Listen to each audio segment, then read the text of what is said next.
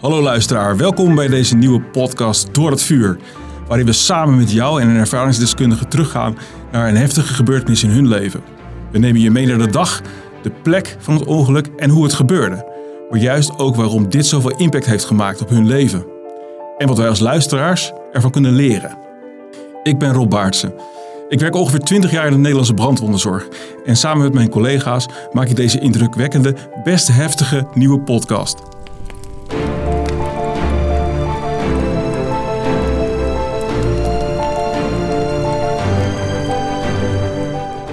Echt, ik heb vandaag de, een van de meest indrukwekkende personen tegenover me zitten uh, die ik ken. Uh, die heeft stage gelopen bij de Brandwondenstichting, waar ik werk al, uh, al bijna 20 jaar. en ik ben ontzettend onder de indruk van, van Brit. Brit, stel jezelf eens voor. Hoi, ja, hoi, ik ben Brit. ik ben 27 jaar. En op mijn negende heb ik een brandwondenongeluk, of ja, brand meegemaakt, waardoor ik brandwonden heb opgelopen. En eigenlijk sinds mijn negende ben ik eigenlijk heel actief in de brandwondenwereld. Ik vind het zo'n leuke wereld. Je, je, je, leert heel veel leuke mensen kennen. En uh, vanaf mijn twaalfde dus ook al ambassadeur voor de Brandwondenstichting.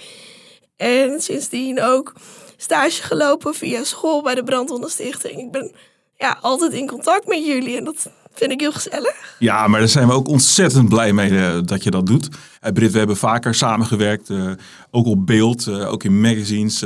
maar toen we je vroegen voor een podcast, toen twijfelde je nog een beetje. Hoe komt dat? Ja, ik vind mijn stem echt verschrikkelijk. um, de brandwonden die ik heb opgelopen, die zijn niet alleen maar zichtbaar op mijn lichaam, maar die zijn ook van binnen. En daarbij is mijn stem gewoon heel erg aangetast. Vandaar ik mijn, uh, ja, mijn stem. Uh, dat ik vaak even moet kuchen. Vaak uh, glas water erbij. Omdat ik gewoon heel snel mijn stem kwijtraak. En ehm, op beeld heb je natuurlijk ook gewoon een heel beeld van mij. Uh, met hoe ik dingen uitbeeld. hoe ik dingen overbreng. Maar via een podcast is het alleen mijn stem. En dat vind ik toch zo verschrikkelijk. Ik ga je geruststellen. Jouw stem is geweldig, Brit. Maar vertel eens, wat heb jij meegemaakt? Wat voor, wat voor ongeval heb je meegemaakt? En, en dan gaan we later gaan we even kijken um, en met elkaar bespreken van hoe, hoe ga jij jouw ervaringen inzetten om anderen te helpen? Maar begin eens met wat heb jij meegemaakt? Nou, dan gaan we even terug naar de kerst 2004 op eerste kerstdag. We waren kerst aan het vieren met mijn moeder, mijn oma, mijn broertje en ik. En uh, ja, we waren een beetje vervelend, mijn broertje en ik. En we zaten op de, in de slaapkamer een film te kijken. Terwijl mijn moeder aan het, ja, het diner aan het voorbereiden was. En op een gegeven moment hoorde ik haar heel, heel, heel hard gillen naar mijn oma. Maar die zat op dat moment uh, op het toilet. Dus uh, mijn moeder schreeuwde: Mam, mam, kom alsjeblieft hier naartoe. En, uh, maar ja, zij kon dus niet komen. En ik ging dan kijken wat er dus aan de, aan de hand was. En toen zag ik dat, er, dat de kerstboom in brand was gevlogen. Achteraf uh, bleek dat dus kortsluiting in de lichtjes van de kerstboom te zijn. En we hadden van dat nepsneeuw erin gespoten. Dus dat, ja, dat vatte gewoon ontzettend snel vlam. Um, nou, ik was toen negen, mijn broertje die was zes. En op dat moment, ja, je bent zo jong. Je weet gewoon niet hoe je moet handelen. En mijn moeder was in paniek ook gewoon uh, haar bewustzijn verloren. Um, dus op dat moment hebben wij als meest logische manier eerst mijn moeder wakker gemaakt. Van mam, word wakker, help ons. Uh, daarna dachten wij, de kerstboom, dat is een brandend object. Die moet het huis uit. Dus we begonnen met z'n allen aan die kerstboom te trekken. Want ja, dat leek ons toen heel logisch. Um, we woonden in een flatje, dus alles was gelijkvloers op de eerste verdieping. En toen hebben we dus die boom van de woonkamer naar uh, de gang getrokken. En toen begon de rest van de verlichting te ontploffen. En toen pas dachten wij, oké, misschien is dit toch niet helemaal slim. Uh, laten wij zelf het huis uitgaan. Want op een gegeven moment begon het natuurlijk ook heel erg heet te worden. Door de rook zie je niks meer. Um, dus uh, op dat moment gingen we dus naar het, ja, het tussengangetje van de voordeur naar de grote gang. En daar uh, wilden we dus bij de voordeur de, uh, ja, naar buiten Alleen daar hebben we dus veel te lang mee gewacht. Want eh, het slot van de deur was dichtgeschroeid door de hitte. En we hadden van de tralies voor de deur, dus we konden ook ja, het raam niet inslaan. Jullie konden er niet uit. We konden er niet uit. En aan de andere kant was natuurlijk al die grote boom heel erg hard aan het eh, branden. Eh, dus op dat moment zaten wij daar vast met z'n drieën. Mijn moeder, mijn broertje en ik. Eh, eigenlijk net zo lang totdat de brandweer de, de voordeur heeft ingeslagen. Ehm, ja, hoe lang? Ik zou echt niet weten hoe, dat, hoe lang dat heeft geduurd. Dus je bent gered door de brandweer. Ja, ja. Maar ja, in die tussentijd heb je natuurlijk zoveel rook ingeademd. En je hebt totaal geen besef van tijd. Dus eh, ik ben toen ook nog een beetje mijn bewustzijn verloren. En ik weet dat mijn moeder ja, op mijn schouder eh, drukte van... We, moeten, we kunnen nu weg, we kunnen nu weg. Dus ja, begin met lopen. Eh, en toen is mijn moeder dus bij eh, de buren onder de douche gezet. En mijn broertje en ik zijn samen bij andere buren onder de douche gezet. Eh, mijn oma zat al die tijd nog eh, opgesloten in het toilet. Die, is, die heeft zichzelf kunnen bevrijden op het moment dat de vlammen al gedoofd waren. Maar nog wel heel veel rook in het huis was. Ehm, en zij dacht toen nog dat wij in het huis waren. Dus zij ging ons zoeken. Maar op dat moment, ja, met zoveel rook inademen en in je ogen, eh, was zij dus ook bijna gestikt. En toen is zij naar de slaapkamer van mijn broertje gegaan. Toen heeft ze het raam kapot geslagen en toen kon ze op het balkon klimmen. En daar is ze bevrijd door, eh, door de buren met een ladder. Ja. Ja, joh. En eh, nou, wij, wij, ja, zij heeft gelukkig geen brandwonden, dus ehm, zij hoefde ja, wel eerste hulp, maar geen, eh, op, ja, geen brandwonden, zeg maar. Maar mijn broertje en ik en mijn moeder, die hadden alle drie echt hele heftige brandwonden opgelopen. Dus wij moesten meteen onder de douche gezet worden. Ehm, ja, ons nadeel was een beetje dat die mensen een hele grote spiegelwand eh, in hun badkamer hadden. Dus ik zag ook direct hoe erg ik eraan toe was. Ehm, ik had een nylon shirtje aan, nou ja, dat, want het was kerst, dus je trekt je mo- mooiste kleding aan. Maar als iets snel in, in brand vliegt, dan, dan is het natuurlijk nylon. Dus ehm, ja, het zag er echt verschrikkelijk uit. Je zag jezelf, je gezicht, je, je, je armen, alles.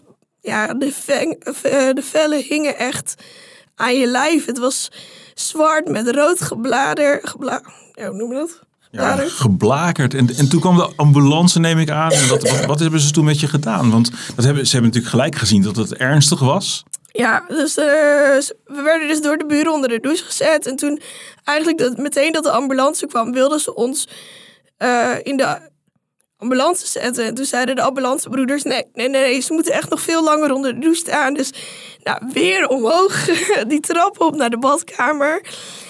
En ja, pijn kan ik me niet herinneren. Het, schijnt ook dat als je echt goed verbrand raakt, dat binnen een paar seconden al je zenuwen verbrand zijn. Dus dat je, en door natuurlijk zoveel adrenaline in je lijf, dat je je geen pijn bewust bent. Dus dat kan ik me ook niet meer herinneren. Maar ik weet wel dat de straal heel eh, vervelend was op mijn huid. Want dat was natuurlijk net eh, verbrand. En die, ja, die douchestraal is natuurlijk best wel hard.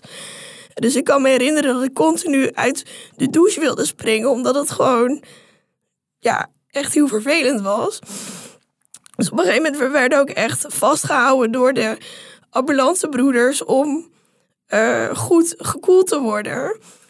Eh, en samen met mijn broertje stonden we dus in die douchecel, eh ja, nat gespoten te worden. En nou, op een gegeven moment, ja, geen idee hoeveel later, toen was het van, oké, nou, jullie zijn nu goed eh, gekoeld. Er waren inmiddels eh, drie ambulances gekomen, één voor vier eigenlijk. Voor mijn moeder, voor mijn oma en voor mijn broertje en ik. En we werden ook alle drie naar een ander ziekenhuis gebracht. eh, omdat we dus alle drie zo ernstig aan toe waren, of alle vier. Ehm, dat het brandwondencentrum in Beverwijk, dat is natuurlijk het, het centrum voor, voor dit soort ongelukken, zich gewoon even gereed moest stellen voor ons, ja, eh, onze eh, binnenkomst. Ehm, dus ik ben eerst naar het Onze Lieve Vrouw gasthuis gebracht. En eh, de, ja, de rit naar, naar het ziekenhuis toe kan ik me niet meer herinneren. Ik weet wel dat ik echt op de brancard werd gelegd. En ehm, dat ik een, uh, een om me heen kreeg om me warm te houden. Want ik was natuurlijk helemaal nat vanwege de douche. Ehm, nou, de rit, geen idee. Wat ik me wel kan herinneren is dat ik met de ambulance bij het ziekenhuis aankwam. En dat ik op een, ja, dat ik echt met spoed uh, naar een soort van behandelkamer werd gebracht. En daar werd ik op een tafel gelegd, met, van de brancard op de, op de tafel gelegd.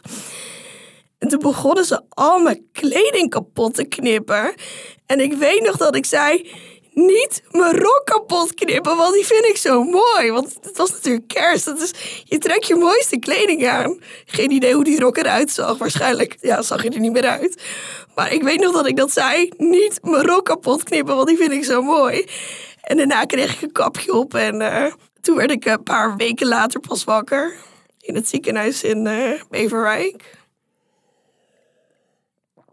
Drie dagen later werd ik vanaf Amsterdam naar Beverwijk getransporteerd. Naar het brandondercentrum Beverwijk? Naar het brandondercentrum, inderdaad. En ja, ze hebben mij vier weken in een kunstmatige coma gehouden. Want, waarom, waarom doen ze dat? Waarom laten ze je in een coma dan? Uh, nee, jouw lichaam die is, ligt helemaal open. Van ik, ben, ik ben dan voor 43% verbrand. Dus nou, 1% is dan één... Hoe moet, ik, hoe moet ik dat zien? Uh, 43% verbrand. Uh, kan ik dan een streepje zetten boven mijn benen of zo? Hoe, hoe, hoe, hoe ziet dat eruit? Hoe, hoe kan ik dat begrijpen als ik luister naar deze pot?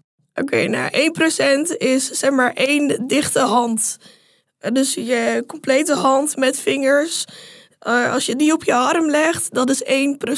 Dus 43 handen. Handdrukken op je hele lijf. En dat is dan bij mij voornamelijk mijn bovenlichaam. Omdat ik dus dat nylon topje aan had. Uh, is dat heel snel gegaan bij mij. Uh, ik had een spijkerrok aan en dat was dan... Dat mooie rokje was dat? Ja, dat mooie rokje, maar, die, maar die, die was dus van spijker. En dat is toch wel brandwerend. Dus mijn benen zijn wat dat betreft best wel bespaard gebleven. En uiteindelijk hartstikke goed, want daar hebben ze natuurlijk allemaal donorhuid vandaan kunnen halen... om de rest van mijn wonden, mijn bovenlichaam, uh, te kunnen bedekken. En dan lig je uiteindelijk ja, zes maanden in het ziekenhuis. Zes maanden in het ziekenhuis? Ja. Ja, de eerste, kijk, vier maanden ben ik dan in die coma gehouden. Dat doen ze omdat je natuurlijk zo verbrand bent. Je ligt van top tot teen open. Um, dus je afweersysteem doet het niet. En je ligt open voor alle bacteriën die je best wel veel hebt in het ziekenhuis. Maar weet je nog dat je wakker werd na vier weken? Um, niet heel bewust, want dat doen ze natuurlijk heel gelijkmatig. Dus, en je, bent natuurlijk ook heel erg verdoofd door alle medicatie die je krijgt. Dus de allereerste keer dat ik wakker werd, dat, dat weet ik niet meer. Maar ik, um, nadat ik wakker ben, ben ik, heb ik nog twee weken echt op de intensive care gelegen. Wat is je eerste ervaring eh, die je nog kan herinneren uit die periode? Je was negen. Um, ja, dat je echt in een, in een isolatiekamer ligt en Iedereen moest helemaal met pakken aan naar binnen voordat ze je mogen zien. En dat was voor, ja, als negenjarig kindje is dat best wel raar. Want um, nou, mijn vader die was dan niet bij het ongeluk, want mijn ouders die waren gescheiden. Maar die was natuurlijk wel als eerste uh, um, op de hoogte gebracht nadat uh, het ongeluk is gebeurd.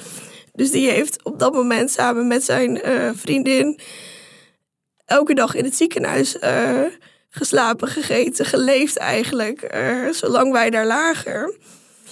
En uh, ja, ik kon mijn vader gewoon niet uh, herkennen.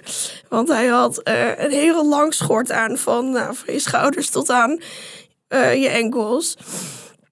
Hij had handschoenen aan, hij had een mondkapje op, hij had een, netje op zijn haar. Het moest allemaal steriel blijven. -hmm. Um, dus voor mij was dat heel raar om dan ja, diegene op die manier te zien. Omdat ik zelf eigenlijk niet door had hoe erg ik eraan toe was. Want je wordt wakker en je ligt wel in een bed, maar je hebt jezelf nog helemaal niet gezien. Dus je hebt geen flauw idee hoe erg je er zelf aan toe bent. ehm, dat besef kwam denk ik pas toen ik mijn broertje voor het eerst zag. Eh, want die heb ik natuurlijk ook weken niet gezien, omdat hij op zijn eigen kamertje aan het revalideren, of nou, herstellen was. En toen ik hem dus voor het eerst zag, uh, toen moest ik heel hard huilen. Gewoon omdat ik um, ja, bij hem zag hoe erg het eigenlijk was.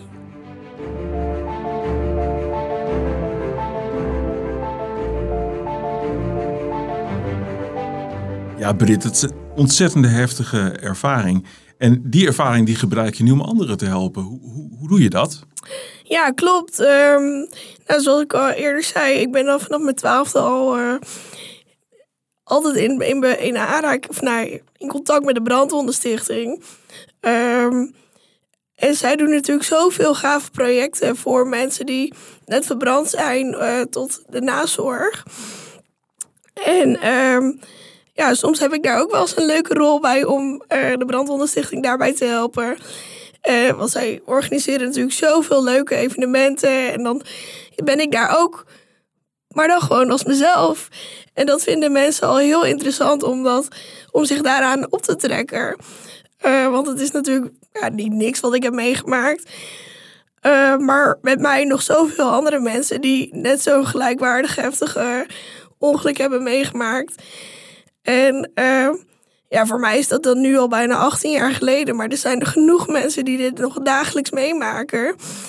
En uh, ik ben altijd mezelf. En dat vind ik zelf heel leuk. Maar uh, ja, de rest vindt dat ook heel fijn om te zien uh, dat het ook gewoon op die manier kan. Um, als het winter is, dan ja, dan trek ik wel gewoon lekker een trui aan. Maar als het zomer is, joh, ik ben de eerste die een bikini aantrekt. Want mijn god, het is toch warm. ik ga niet met uh, bedekking lopen. Ik schaam me nooit voor mijn brandwonden. En dat zou ik iedereen willen meegeven. Want dat is zoiets puurs en het maakt, het maakt je wie je bent. En dat is oké.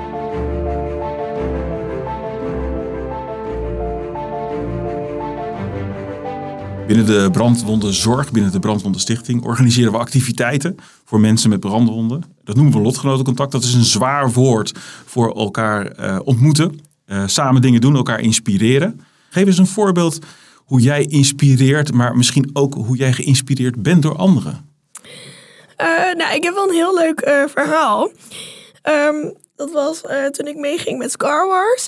En dat is eigenlijk ehm, een groep mensen um, die brandwonden hebben opgelopen. Maar um, ja, zonder uh, enigszins van uh, stafleden is dat gewoon een groep on ongeremde pubers met brandwonden. Dus uh, er gaat ook altijd een hele leuke groep aan stafleden mee. En dat zijn oud-verpleegkundigen, brandweer, mensen mensen die dokter zijn.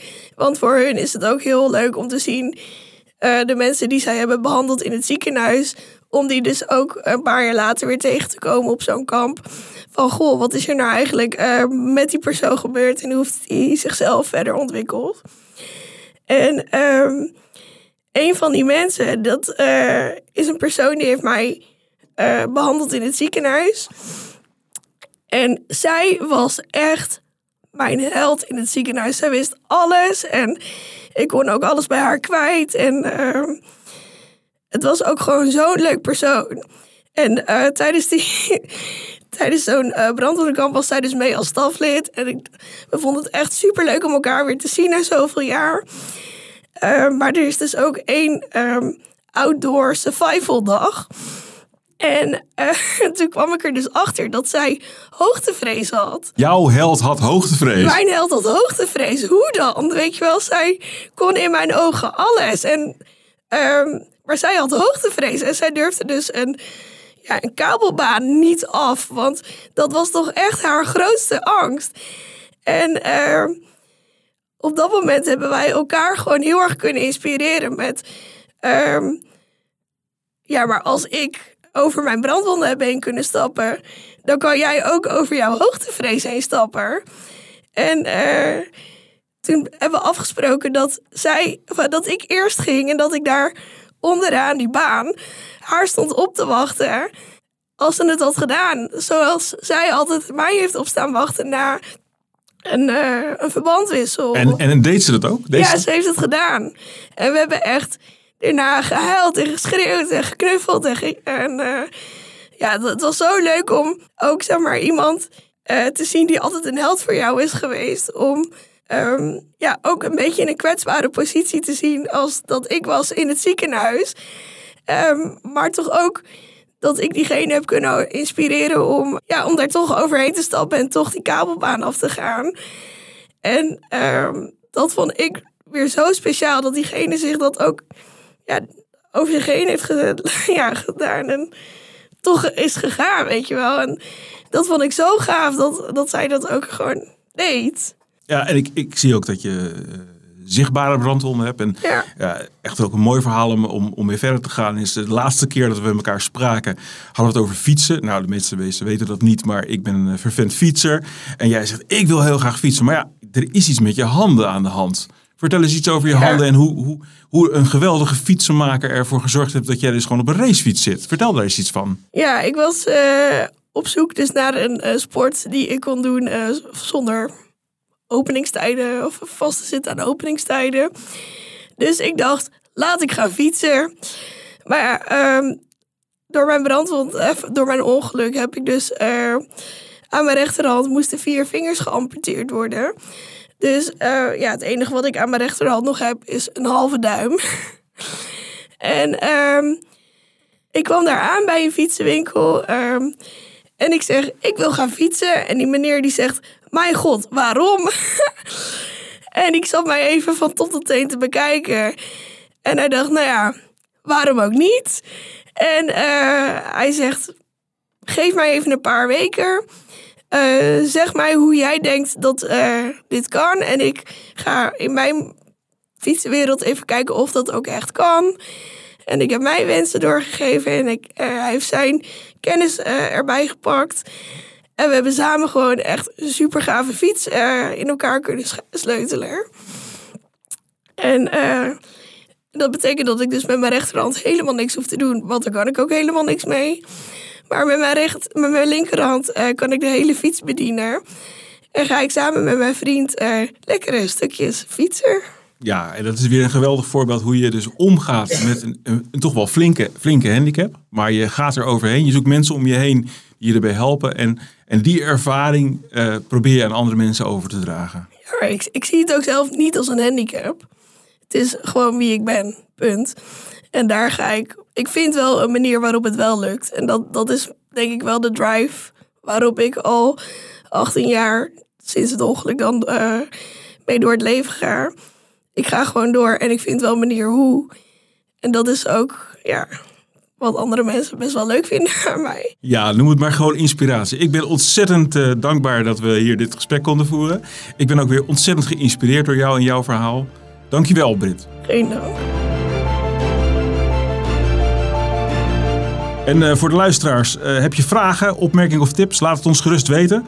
En vergeet ons uh, vooral niet te volgen op de socials, zodat je de volgende aflevering niet mist.